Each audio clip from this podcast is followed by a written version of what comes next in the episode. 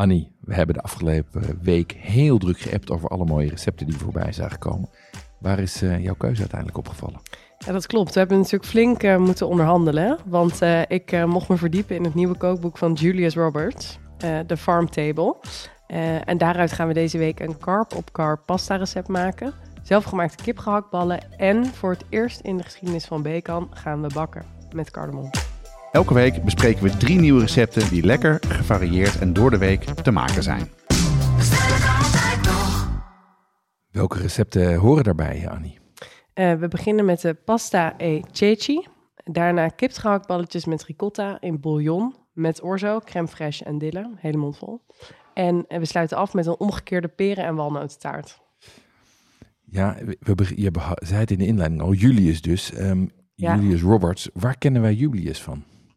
Van Instagram. Ja? Ja. Oh, je, je kijkt helemaal glazig uh, hierbij. Ja, ik ben groot fan. Jij bent groot fan? Ik ben groot fan, ja. Hij heeft hele, hele romantische video's waar hij uh, in een kast bij een boerderij helemaal heel rustig allemaal uh, recepten staat te maken. Heel seizoensgebonden, veel uit eigen tuin. Uh, en hij heeft daar net een kookboek over uitgebracht, de Farm Table. Ja. is in, naar het Nederlands vertaald. En uh, uh, ik had het kookboek van jou overhandigd gekregen en even in mijn Instagram story gezet. En daar kwamen toch wel bovengemiddeld veel vrouwelijke reacties op. Ja, ik begrijp dat er meer dames zijn die, uh, die net zo glazen gaan kijken van Julius als jij. Ja. Um, wat ik leuk vind, want ik heb het boek ook even zitten bekijken. Ik zie natuurlijk heel veel boeken van, van influencers of van mensen die, ja. uh, die Iedereen maakt populair zijn. tegenwoordig. Ja, um, en, en heel vaak gaat het dan of over hoe ontzettend gezellig het is aan lange tafels in weilanden met opwaaiende jurken en uh, dat soort beelden. Of het gaat heel erg over, over de, de persoon in kwestie, en zeker bij de dames hebben die er relatief weinig aan, vind ik altijd een beetje, een beetje lastig. Um, dit boek helemaal niet. Dit gaat eigenlijk voor, vooral over het, um, het leven op de boerderij. Ja, en ook, ook um, er staan maar drie foto's van hemzelf in. Ja. Ik was van tevoren, dacht ik, als je dan bij elk recept een foto ziet hoe hij dat aan het maken is, dan wordt het natuurlijk iets meer een trap. Ja. Maar hij zit ook bij elk recept uh, leuk verhaaltje, vind ik erover. En ik heb het dus even helemaal doorgebladerd. Er zat eigenlijk weinig in waarvan ik ook dacht, oh, dat zou ik echt niet maken. Nee. En het is ingedeeld op de seizoenen. Dus uh, ik ga gelijk uh, met de herfst verder aan de slag. Ja, mooi, mooi. Laten we dan zeggen, um, welke gerechten zou je wel maken? Want je moet, hebt er drie moeten uitkiezen. Welke heb je gekozen? Uh, we beginnen met, uh, met de pasta e ceci. Ja. Uh, dat is een recept al bekend bij de podcast. Staat al bij ons op de website, maar Julius heeft toch een iets andere variant van gemaakt. Dat is pasta met kikkererwten. en in dit geval met een, met een tomatensaus die je op smaak brengt met laurier, chilivlokken, rozemarijn en een basis van ui, prei en wortel. En wacht even, want ik, ik ken pasta iceetje dus, maar het is goed denk om het even uit te leggen. Ja. Roer je de kikkererwten gewoon door de saus of gooi je die bij de pasta? Hoe zit dat? Ja, de kikkererwten gaan deels door de saus uh, in zijn geheel. Uh, de ene helft wordt uh, vermaal je met een vijzel of keukenmachine en die meng je door de saus. En zodat je ze eigenlijk, nou ja, sloopt, opbreekt, komt dat zetmeel los en dan wordt je tomatensaus eigenlijk gebonden door het Ja. zetmeel in die kikkererwten. En een deel zit er in zijn geheel in en dat geeft iets meer bite en structuur aan de saus. Ja, werkt heel goed. Wat ik altijd doe, is ik zet gewoon even 10 seconden de staafmixer erin. Ja. Zodat die net een paar, een paar kikkererwten pureert. En, en de rest blijft dan fijn. Oh ja. Ja, ja. goede tip. Um, in, het, in het boek staat bij, staan bij de verschillende recepten ook verhaaltjes. Wat, wat vertelt u? Welk beeld zet Julius neer voor pasta e ceci? Ja, dat vond ik, vind ik echt een hele mooie vergelijking. Maar hij, hij vergelijkt het met de Britse beans on toast. Dat vind ik heel Kijk. grappig. Stiekem echt mijn guilty pleasure. Zo'n Oh ja? blauw blik Heinz. Ja, ik moest dat een keer gaan vertellen. Dat is, de, dat is het moment. Het moment is gekomen. Eh, nou, ik denk dat een Italiaan zich omdraait in zijn graf als hij die vergelijking eh, ziet. Maar ik snap het ergens wel met dus die pulvruchten in zo'n eh, tomatensaus. Ehm, en hij vertelt ook iets meer over de, de varianten van de pasta. Eh, in, afhankelijk van zeg maar, het gebied in Italië kan die als een soort armere variant eh, gekookt worden. Waarbij je dus een, eh, een pasta maakt zonder eieren, maar bijvoorbeeld gewoon op waterbasis. En dan zit er gewoon kikkererwten doorheen en misschien een klein beetje tomaat. Maar hoe, uh, hoe vruchtbaarder de regio, uh, dan ga je echt toe naar een uh, sofrito met veel olijfolie, rijke eierpasta en ook pancetta. Dus het is leuk dat dat gerecht ook gradaties kent daarin. En deze, dit recept van jullie is, is vegetarisch, zit geen pancetta in, maar wel dus iets meer een soort rijkere variant met olijfolie en echt die, die sofrito basis.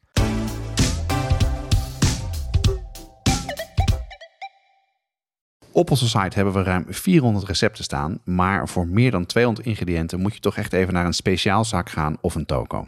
Ja, en vanaf nu kan je die dingen online vinden bij onze partner pimenton.be. Dat is de webshop voor foodies en hobbycooks. We hebben inmiddels al onze recepten gekoppeld aan een webshop. Bestellen gaat dus heel makkelijk. Het is alleen klikken op een link in de ingrediëntenlijst. Ja, en Pimenton zit in België, maar bezorgt in de hele Benelux voor 3,95. Ga naar pimenton.be om te bestellen. Ja, en ik ken het gerecht dus al, maar daar was ik al enthousiast over. Ik ben heel benieuwd wat de tweede is die je hebt gekozen. Ik zie hier staan kipgehaktballetjes in bouillon. Ja. Moet ik me daarbij voorstellen? Ja, het is, echt, eh, het is echt een leuk recept. Het lijkt een beetje op een soort minestrone, denk ik. Dus een, eh, een, een bouillon eh, met, waar orzo in zit. Dus pasta in, eh, in, de- in de vorm van rijst. Ehm, en je maakt zelf kipgehaktballetjes met ricotta erin. En het wordt afgetopt met peterselie, verse dille en crème fraîche. Ja, dat kan natuurlijk ook niet misgaan. En, en, en die gehaktballetje met, ehm, eh, met ricotta, daar ben ik wel even benieuwd naar. Hoe doe je dat dan? Eh, in dit recept eh, gebruikt hij kippendijen, die je in de keukenmachine eigenlijk tot een soort gehakt eh, pulst. Maar ik denk dat je voor, voor door de week ook heel goed gewoon ongekruid eh, kipgehakt kan gebruiken, wat je Ja. gewoon bij de supermarkt kan kopen.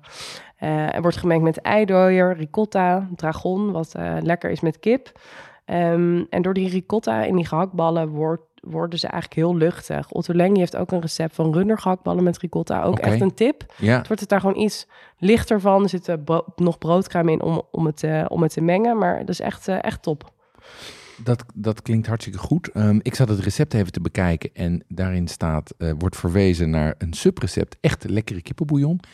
Ik vind dat dat een beetje ingewikkeld als recept, als er recepten in recepten zitten. Ja, Ehm, ben ik met je eens. Ja, hoe, hoe zit dat hier? Ja, dat zit ook wel vaker in dit boek. Hij heeft ook wel een hoofdstuk met wel basics, wat ook wel weer, ook wel weer leuk is, maar maakt het ook wel iets minder praktisch gelijk eh, zo'n eh, recept. Ehm, eh, er staat bijvoorbeeld dan in dat je zelf je bladerdeeg kan maken, maar je kan ook natuurlijk gewoon store-bought eh, bladerdeeg gebruiken of een eh, snel galetdeeg. Dus er staan wel leuke recepten in, maar voor door de week wordt dat wel weer echt een, een operatie. Je kan kippenbouillon zelf trekken. Eh, ik ga dat sowieso niet doen door de week. Dus eh, ik eh, gebruik vaker in dit soort recepten een fond. Je hebt bij de supermarkt heb je Fundo. Dat is een ja, soort merk daarvan. Ja, en die is echt best wel lekker.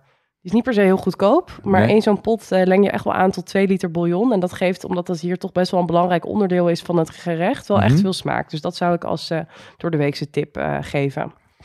ik heb hier dus op links heb ik een zelf getrokken bouillon of een pot bouillon staan. Op rechts staat, die, staat het kippen gehakt, ehm, waar ik ehm, eh, ricotta doorheen heb gewerkt. Hoe gaat dat verder? Ehm, de gehaktballetjes die braad je eh, aan. Die hoeven niet helemaal gaar te worden, want ze gaan koken daar nog mee in de soep. Dus eh, dat eh, is ook een snel klusje. Ehm, en je maakt eigenlijk alles in één pan. Dus in dezelfde pan waar je de gehaktballetjes in hebt gebakken en wat olijfolie. Je haalt de balletjes eruit. Dan bak je ook in datzelfde vet de uien. Dat is ook lekker, geeft natuurlijk veel smaak. Dan bak je bleekselderij en wortel mee. Giet de bouillon erbij gehaktballetjes en de orzo erin. En dan eh, heb je eigenlijk één pans eh, heel lekker soort, eh, soort kippensoepje met, met orzo. Ja, dat, de- zo klinkt het als een dat zeer rijk gevulde kippensoep. Ja, ja. Wat een goed idee. Ehm Julius is ook wel van de, van de handige keukentips. Heeft u er hier eentje? Ja, en ook wel echt een, eh, echt een leuke. Deze tip kwam ik zelf eh, het eerst tegen in mijn, eh, in mijn koksopleiding. Dat als je met rauw vlees, als je dat op smaak aanbrengen bent, dat kan je natuurlijk niet proeven. Je gaat niet even een hapje kip gehakt nemen. Dat je dus gewoon een heel klein balletje maakt, die bakt, Ja. dat proeft. En dan eventueel je um, gehaktmensel bij kan stellen. En dan maak je, bak je ze voor het echi. Eigenlijk gewoon een handigheidje. Ja, Ja. slim.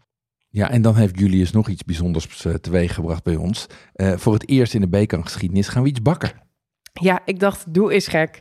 Eh, we gaan een perencake maken, want die zijn nu mooi in het seizoen. De eerste Nederlandse oogsten ehm, eh, eh, is er weer. Ehm, en dit is een upside-down perencake om precies te zijn. Dus dat is een soort van, nou hetzelfde idee als een tarte tatin. Je begint met het fruit en daarna komt er, komt er deeg overheen. Ja. En hoe, hoe, hoe gaat dat dan in zijn werk? Kan je, iets, eh, kan je me even doornemen door de stappen? In, eh, in dit recept eh, gaar je de peren in een karamel. En die doe je daarna in een, in een ovenschaal. Geen springvorm, want daar kan het uit gaan lekken. Ja. Omdat er karamel op de bodem komt.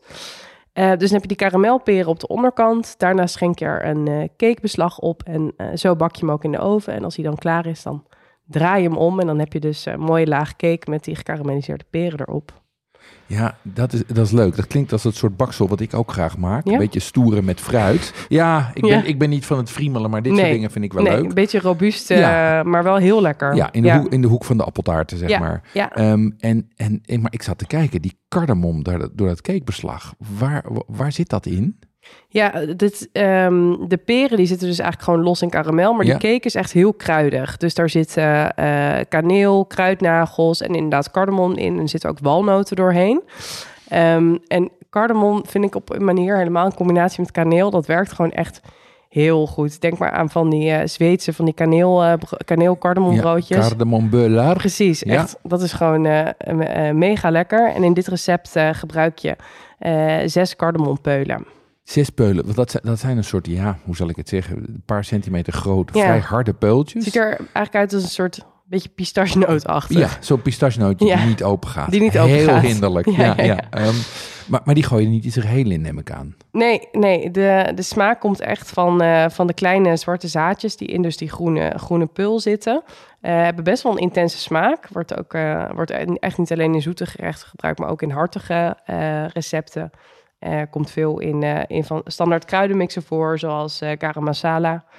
Ehm, en in dit recept kneus je de peulen, zodat ze dus een beetje, zodat die pistachenoot die niet open gaat, een beetje open gaat. Mhm. En die kleine zwarte zaadjes, die ga je gebruiken. En die ehm, eh, maal je fijn. En zo heb je eigenlijk vers card- cardamompoeder. En als je, geen, als je alleen poeder kan vinden, wat doe je dan? Ehm, ik heb even gegoogeld daarvoor. En één theelepel eh cardamompoeder staat gelijk aan zes peulen. Dus dat eh, kan, je dan, eh, kan je dan aanhouden. Wat wel is bij dit soort gedroogde kruiden... is dat als je dat potje al twee jaar in een kast hebt staan... dat je beter wel een verse kan kopen. Want het verliest gewoon wel echt veel smaak. En het geeft hier gewoon echt veel toevoeging aan de cake. Dat klinkt hartstikke leuk. Ik denk dat ik weer eens ga bakken. Peren, cardamom en cake. Ik voel hem wel.